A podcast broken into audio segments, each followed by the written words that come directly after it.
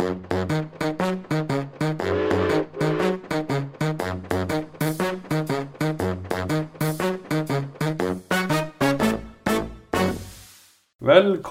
kjære lytter, til en ny episode av podkasten Ekspedert. Vi er i smittefri studio på Katterat stasjon. Og det her var andre episode tatt opp i studio på Katterat i disse koronatider. I dag er jo dag sju i koronatidsregninga. Dagens tema er også en smule dyster.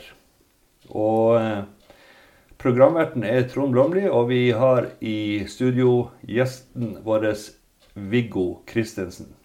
Og temaet i dag er skjebnen til panserskipet Eidsvoll. Og Viggo, det er jo to skipsnavn som eh, for evig tid er knytta til Narvik. Ja, det er Eidsvoll, som du allerede har nevnt, og så er det jo panserskipet Norge. Og de her to eh, panserskipene de ble da innkjøpt av den norske regjering rett før århundreskiftet, altså i, bestilt i 1898. Ja, det er riktig det. Eh, de eh, kom til Norge sånn rundt århundreskiftet Det var Norge som kom i 1900 og Eidsvoll i 1901. Ja, det, Eller om det var omvendt. Ja. Ja. Og de, eh, det kosta altså en tredjedel av statsbudsjettet. Og det var en eh, voldsom diskusjon i Stortinget, og det hele ble avgjort da i avstemming 59 stemmer mot 55. Så det var knapt flertall for å gå til denne anskaffelsen. Men eh, det var jo viktig å gjøre Norge forberedt på unionsoppløsninga og ruste opp, slik at man kunne forsvare seg i tilfelle svenskene skulle gå til krig. I 1940 så var de her panserskipene Norge og Eidsvoll utdatert. De var, hadde ikke hatt noe særlig vedlikehold eh, i mellomkrigstiden, og under første verdenskrig så hadde de stort sett ligget i ro. Eh, så ble de satt opp på nøytralitetsvakt og lå oppe i Tromsø i april 1940. Og så tilpissa situasjonen seg, og eh, de fikk da beskjed om å gå ned til Narvik for å beskytte Ofosfjorden og Malmhavna Narvik. Eh, I eh, du kan kanskje si noe om eh, mannskapet om bord på Eidsvoll? Altså hvor mange folk det var? Ja, det var jo, det var jo ei stor besetning om bord i gamle, det gamle panserskipet. De var jo 230 mann fullt oppsatt. Alle stasjoner bemanna. Eh, Nå var det ikke så mange om bord i de dramatiske eh, den dramatiske 9. april. Det var mange som ikke rakk frem pga. Eh, uvær, og det var folk som var på sykehus. Så de var vel eh, i underkant av 200-180-190 mann om bord når det braker løs. Ja, det hadde jo vært påskeferie like før. Og de, i hvert fall de fra nærområdet, altså fra Nord-Norge, som var mannskap om bord, de hadde jo rimeligvis fått eh, påskepermisjon. For det var jo ingen som så at det plutselig skulle bryte ut eh, krig i eh, Nord-Norge. Det var vel ingen som hadde noen anelse om det. Så både mannskap fra Narvik og mannskap fra andre deler av Nord-Norge de hadde jo fått permisjon og dratt hjem. Og så når det permisjonene ble inndratt og de fikk beskjed om å møte om bord, så var det jo nesten umulig å komme seg til Narvik fordi at det hadde vært et forferdelig snevær. Det var nok, det var nok mange båtruter som var innstilt pga. Eh, forferdelig uvær. Det hadde jo vært en eh, formidabel storm i, eh, som varte nærmere ei uke. Som jo de tyske jagerne fikk føling med hele veien nesten fra Storm fra nordvest. Storm fra nordvest, ja. Så eh, de eh, båtrutene som gikk i, eh, i eh, fjordene rundt omkring Narvik, de var nok stort sett innstilt alle de dagene før 9. april. Ja, og transporten på land også med busser var vanskelig. fordi at vei, de, folk klarte ikke, eller Vegvesenet klarte ikke å holde veiene brøyta og åpne. Nei, blant annet, og det fikk jo stor innvirkning på uh, hvordan krig, uh, krigen utvikler seg i Narvik, og ikke minst i området rundt Narvik. De klarte ikke å holde veien åpen opp til Setermoen og Bardufoss. Nei, Som var viktige plasser. Ja. Så eh, Vi har da nevnt denne nordveststormen som holdt på i flere dager. Og midt i denne stormen, mot været, med bølger og vind rett imot seg, så kommer det altså ti tyske jagere med ordre om bord om å innta Narvik. Ja, det er ti topp moderne tyske jagere lasta med 200 topptrente østerrikske eh, fjelljegere, kan vi vel oversette det til. Som eh, skulle innta ikke bare Narvik, de skulle innta Sætemo, eller først eh, skulle de innta Elvegårdsmoen. Så skulle de innta Sætermoen infanterileir og Bardufoss flyplass. Og dermed lamme hele det nordnorske forsvaret? Ja. Det var liksom forpatruljen. Uh, de skulle, de skulle innta de, de, her viktige posisjonene. Særlig Bardufoss var jo veldig viktig. Og selvfølgelig også Narvik som malmhavn. Etter at uh, de hadde tatt Bardufoss flyplass, så skulle jo Luftwaffe komme nordover med sine, sine fly. Men det lyktes dem ikke med. Nei. Eh, været satte også, sparka bein også for de tyske angrepsplanene. Eh, og en av de her båtene, Erik Giese, eh, fikk mann over bord på vei eh, oppover. Eh, han ble vaska av eh, båten av en brottsjø, og båten snudde for å se om de klarte å plukke han opp ifra havet.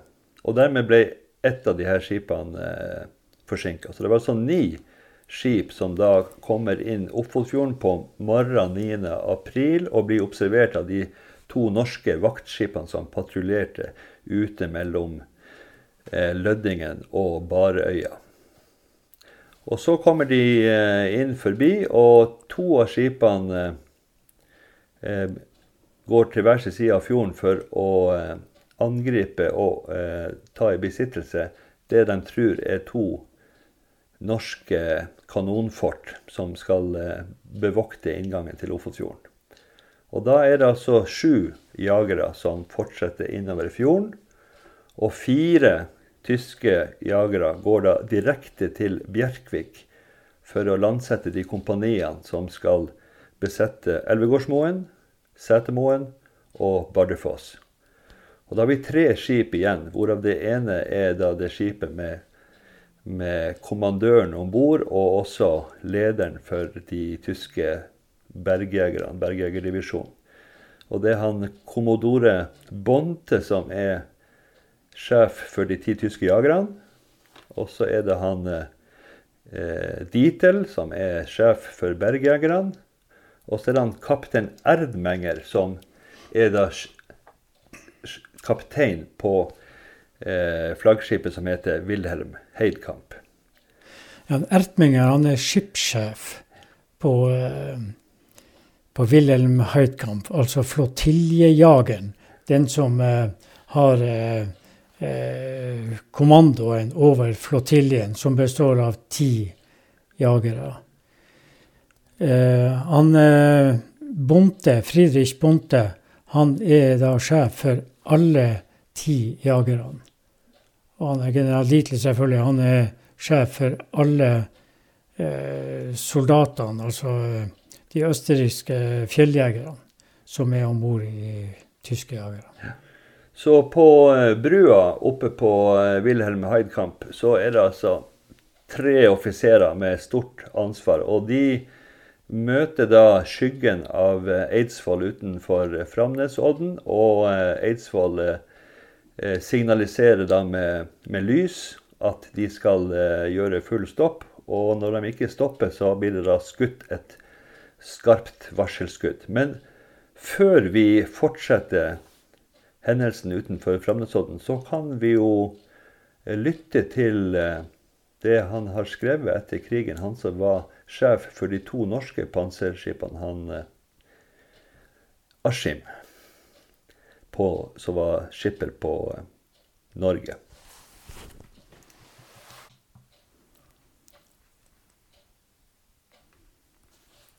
De kravlet rundt i den dype snøen og fant ikke kanonstillingene. Ja, Anton Schmidt.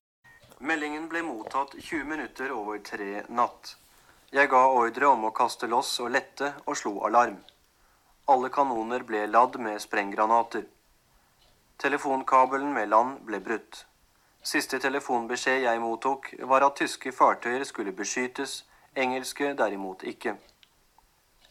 Eidsvoll, som lå ute ved innseilingen til Narvik havn, ble underrettet og fikk ordre om å holde lyttevakt på ultrakortbølgeapparat. Under innhivningen og gangen utover mot innløpet ble surringer på redningsflåter og båter kastet loss, livbelter utdelt og styrbords sidefartøyer firt av og slept langs siden da jeg var forberedt på å bli torpedert. Klokken halv fem var jeg i posisjon utfor mannkaien med babords batteri bærende mot innløpet. Kort etter ble to jagere synlige i snøkovet i innløpet ved Ankenessiden. Jeg var ikke sikker på de fremmede fartøyenes nasjonalitet, og anropte dem derfor med blink. Fartøyene forsvant i snøkovet. Ved dette tidspunkt meddelte sjefen for Eidsvoll i ultrakortbølgeapparatet at en tysk offiser var kommet om bord med oppfordring om at fartøyet skulle overgi seg. Sjefen ba om forholdsordre. Han fikk ordre om å åpne ild, og svarte tilbake 'Jeg går til angrep'. Kort etter hørtes et brak fra innløpet, men der kunne intet ses, liksom Eidsvoll den hele tid var usynlig i kovet, skjønt den ikke kan ha ligget langt vekk. Omtrent klokken kvart på fem kom de to jagere som var løpet inn så vidt til syne borte ved dampskipskaien. Jeg åpnet ild med styrbordsbatteri. Ja. Så går vi utafor eh, Framnesodden, og ca. hvor hen lå Eidsvoll, hvis du står på flyplassen i dag og ser utover eh, fjorden? Ja, sånn eh, ca. midt på flyplassen. Kanskje noen meter eh, nordover, altså mot, eh, lia, eh, mot Naustene i Framneslia. Og ca. 200 meter ut av land. Ja. Der lå Eidsvoll. Og det var sterke snøbyger og dårlig sikt. Ja, det var et forferdelig dårlig vær. Det hadde blåst eh, storm. Det var nå muligens stilna litt, men det var jo ennå stiv kuling og mye sjø. Eh, det var eh, Og helt elendig sikt. Det var et, et nærmest et overhendig vær. Ja, og Så var det redusert mannskap. Det var 40 som var på permisjon, som ikke hadde kommet tilbake, eller rakk tilbake. Det var eh, folk eh, i arrest, og det var folk på sykehuset. Ja, det fikk jo store følger for uh, hvor hen de uh, uh, kunne benytte det mannskapet som de hadde om bord. Det viktigste var, var jo kanonene.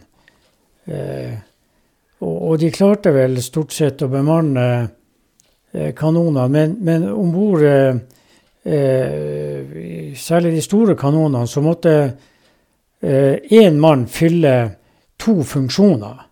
Han måtte mm. bare sveive både på høyderetterhjulet og sideretterhjulet. Så det mm, sinka nok eh, eh, innstillinga av eh, kanonene. Det var, det var jo ikke så for, veldig moderne siktemidler de hadde. Det var jo veldig enkle saker. Så mens Wilhelm Heidkamp eh, stopper opp og sender over en, eh, en båt med en offiser om bord for å eh, egentlig oppfordre skipperen, han eh, Willoch, til å overgi seg, så går altså de to andre tyske jagerne inn på De sklir bare videre inn på havna. Ja, det er de to jagerne Bent von Arnim og eh, Georg Thiele, som eh, sklir inn eh, på havna. de har Bent von Arnim har om bord de soldatene som skal komme først til Narvik. De som skal komme først i land, og som skal be, bemanne sånne De skal opprette skytterstillinger rundt kaiområdet for å sikre at de andre båtene kan landsette sine eh, soldater som de har om bord. At de kan landsette dem trygt. Så så langt så hadde alt gått etter planen? Det var helt fantastisk. De hadde Weser-site, som det heter. Altså den tida de skulle komme til Narvik, det var eh, 04.30. Og nå er vi sånn rundt omkring 04.20. De var altså nesten på minuttet eh, etter eh, eh, Tidsplan. Etter, plan, etter tidsplanen. Ja. Det var helt fantastisk. De hadde hatt forferdelig vær opp gjennom kysten, så at de klarte å komme til akkurat det, tidspunktet som var fastsatt, det var imponerende. Han eh, løytnant Gerlach, som kommer over i en lettbåt fra Wilhelm Heidkamp, han eh, får da eh, beskjed etter at han Willoch har tatt eh, kontakt med han Askim og fått beskjed om å ta opp kampen med de tyske båtene. Så går han tilbake i lettbåten, og på vei tilbake til eh, Wilhelm Heidkamp så eh, skyter han opp et rødt bluss, som er et faresignal. Og eh, Wilhelm Heidkamp de har altså brukt tida til å komme i posisjon til å kunne fyre av torpedoene sine mot Eidsvoll. For de vet at et eneste treff fra kanonene på Eidsvoll er nok til å blåse det tyske skipet bort fra havets overflate. Ja, det er helt sant. Han, eh, Gerlach han eh, var sendt eh, om bord i eh, Eidsvoll for å eh, overrekke et skriv som sto at de tyske de kom som venner, og de skulle eh, forsvare Norge mot engelskmenn. Sånne floskler. Og, eh, han Willochs, som du sier, han tok kontakt med han eh, med han Askim om bord i Norge og fikk beskjed om at han skulle gå til kamp. Ja. Og vi nærmer oss 04.37 på morgenen 9. april. Ja. I Narvik så ligger folk og sover. Det gjør de nok, ja. Det eneste som eh, eh, er på eh, jobb, det er nattevakta på bolaget. Det, det pågår lasting og, og eh, arbeid som normalt på bolaget. Ellers så ligger nok hele byen og sover. Og så sender det tyske skipet av gårde fire torpedoer. Ja, den, eh, det signalet som eh, han Gerlach eh, sendte opp, det røde eh, eh, pistolsignalet, Ja. det var avtalt at eh, dersom det signalet ble sendt opp, så var det signal om at eh, eh, forhandlingen var mislykket, og at de skulle gå til kamp mot Eidsvoll. Eidsvoll. ja. Så det var, eh, det var eh, stridssignalet. Det var kanskje ikke nordmenn klar over at de hadde så dårlig tid. Nei, alarmen var jo gått eh, eh, for lenge siden om bord. Eh, trompetsignalet hadde jo gjalla altså alle mann til sine poster. Så alle mann var på sine poster. Kanoner var bemanna, og etter hvert som eh, han eh, Willoch hadde fått avklart med han eh, eh, Askim inn på havna, så blir det slått eh, klart skip, som det heter i moderne, skip, i moderne tid. Eh, de var jo klar til kamp. Han eh, eh, De eh, Ja, de var simpelthen klare til kamp. Alle, altså alle surringen på alle flåten og redningsbåter var tatt av og gjort klar. De hadde også låra en av båtene, eh, lettbåtene som da hang i trosset etter eh, akteren på skipet, med to mann om bord. Eh, Alle hadde fått utlevert livvest. Og det var folk fra Narvik også om bord i Eidsvoll. Ja, det var det. Det var fire eh, fra Narvik om bord i Eidsvoll. Ja, det er to i maskinrommet. Ja. Det var han eh, eh, Han eh, Arthur Meyer Fredriksen. Han var fyrbøter. Og han eh, Nordli Olman Nikolaisen. Han var maskinmann. Og han eh, Sigurd Magnus Smith. Han var også fyrbøter. Og så hadde vi en kanonkommandør i Framre hovedskyts. Ja, han heter Toralf Erling Haukebø og var kvartermester og kanonkommandør i Fremre 21 cm kanon. Vi kan forestille oss at han hadde noen hektiske minutter. Ja, han sto i kontakt med artillerioffiseren som hadde post oppe i masta, eh, fremre mast. Og han eh, sto da oppe og så, så på, eh, på den tyske jageren som etter hvert kom i en formidabel fart mot dem, og ga, ga signaler ned til han Torolf Haukebø hvordan han skulle stille inn kanonen sin. Men de rakk aldri å få sendt av gårde noen skudd. Nei. De rakk ikke å få av gårde et eneste skudd annet enn det varselskuddet de sendte bak. eh. Det var eh, når, det, når den røde raketten eh, flerra himmelen, så nærmest umiddelbart så sendte Wilhelm Heitkamp av gårde sannsynligvis fire torpedoer, som eh, hvorav tre traff Eidsvoll.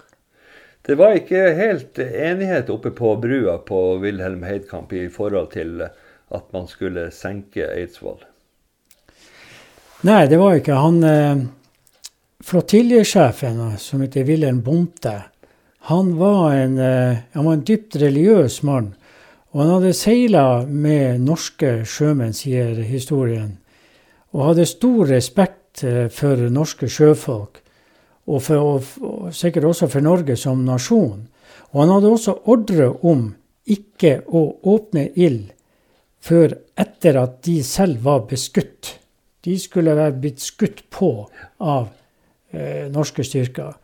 Og det var de jo ikke. De hadde fått et varselskudd eh, bak eh, hekken. Men de var jo ikke blitt skutt på. Nei. Så det var eh, brudd med de ordrene som han eh, Wilhelm Bonte hadde eh, fått. Vi må anta at det var han eh, Dietel som eh, pusha på. Ja, han Ertmenger, som var skipssjef eh, og ansvarlig da for skip og mannskap, han hadde jo totalt 500 mann om bord i sin båt. Og han visste at eh, ei, ei breiside fra eh, Eidsvoll, det var evig nok til å sende han rett til bunns. Så når, eh, eh, når liksom eh, det var avgjort at det her kom det til kamp, så var jo han lite lysten på å nøle for lenge.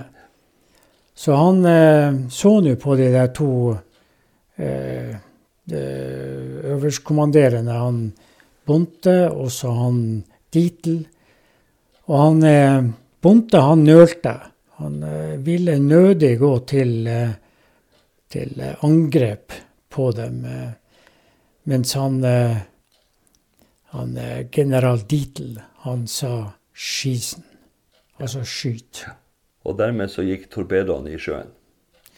Da ble det gitt signal fra han eh, skipssjef Ertmenger til torpedooffiseren 'skyt'.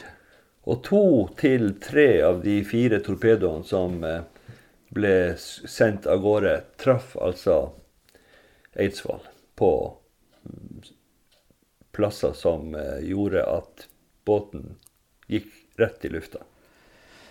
Ja, det sies at det sannsynligvis har én av de tre torpedoene truffet ammunisjonsmagasinet. For det var en gigantisk eksplosjon som reiv hele det svære panserskipet i stykker. Det var et eh, eh, Det var en fulltreffer. I tillegg var det det var én torpedo som traff akterut, én i midten og én eh, fremme, sies det. Det er litt i diskusjoner om det var to eller om det var tre. Men de fleste heller til at det var tre torpedoer. De eh, som var eh, sjøfolkene om bord i, eh, i panserskipet Eidsvoll, de hadde altså ikke en sjanse.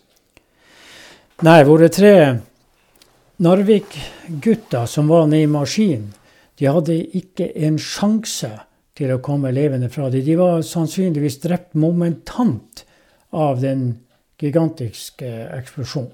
Og båten sank i løpet av sekunder. Det var i løpet av sekunder så var den forsvunnet fra havets overflate. De som eh, overlevde, det var de som var oppe på dekk. Eh, nærmest i, i friluft. Han Toralf Haukebø han var jo inne i kanonen, som var omgitt av over 20 cm tjukke eh, Det var jo jernplate ja. rundt hele den kanonen. Og ei kjempetung jerndør. Så om de eventuelt hadde overlevd det, så hadde de båten hadde begynt å helle med en gang. og hadde jo sterk slagside, så de hadde ikke kjangs. Om de hadde overlevd, så hadde de ikke kjangs å komme seg ut av kanonen. Så det, det havna ca. 15 mann i sjøen, og av de så var det altså seks som klarte å komme seg overlevende inn til land. Ja, det er jo beskrivinger av de som overlevde, at de så den og den etter eksplosjonen, og den var i live. og eh, Noen kom seg over på ei flåte, og eh, noen eh, eh, ble plukka opp av eh, en båt, eh, den som de slepa ved siden av. Eh, men det var bare, en, eh, det var bare seks av de 10-15 som hadde overlevd selve eksplosjonen, som overlevde forliset. Seks mann. Og resten gikk ned. Resten Omkom. gikk ned, eller drukna, eller frøs i hjel. Så eh, det her voldsomme smellet, det må jo ha vekt folk både i Narvik og rundt Narvik og på Ankenes og på de andre skipene. Det gjorde det nok. De hørte jo eh, denne eksplosjonen eh, inne på Narvik havn. Om bord i panserskipet Norge så var jo alle våkne. De var jo stridsklare.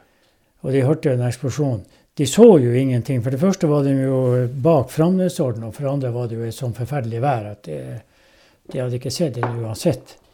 Men det var jo flere gårder bak i Framneslia eh, som jo ble vekt av det her, eh, den voldsomme eksplosjonen.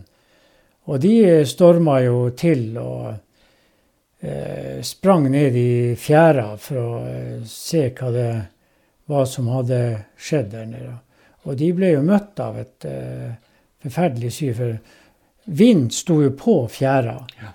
Så det var ikke lang tid eh, før eh, alle de som hadde mista livet, og som ikke var gått ned med skipet, som lå og fløyt i havet, de fløyt jo etter hvert i land i Ja, for alle sammen hadde livvest på, slik at de Alle, fløyt. alle fløyt.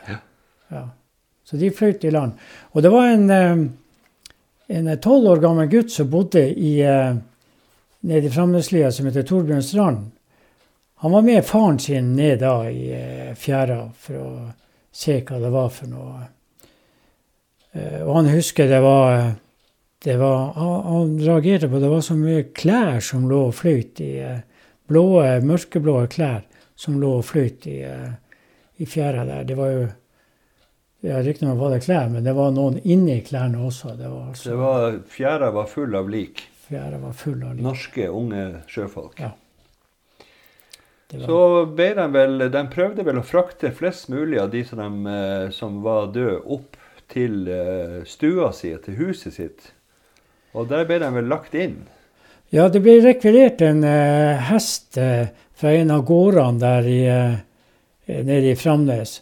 Og eh, likene de ble brakt opp i, i huset til han eh, Torbjørn Strand. Så eh, huset står det en dag i dag, akkurat i svingen der nede til flyplassen. Og eh, derfra ble de jo henta med bil og frakta opp til sykehuset eller til kirka, eh, hvor det, hvor det også ble eh, likhus etter hvert.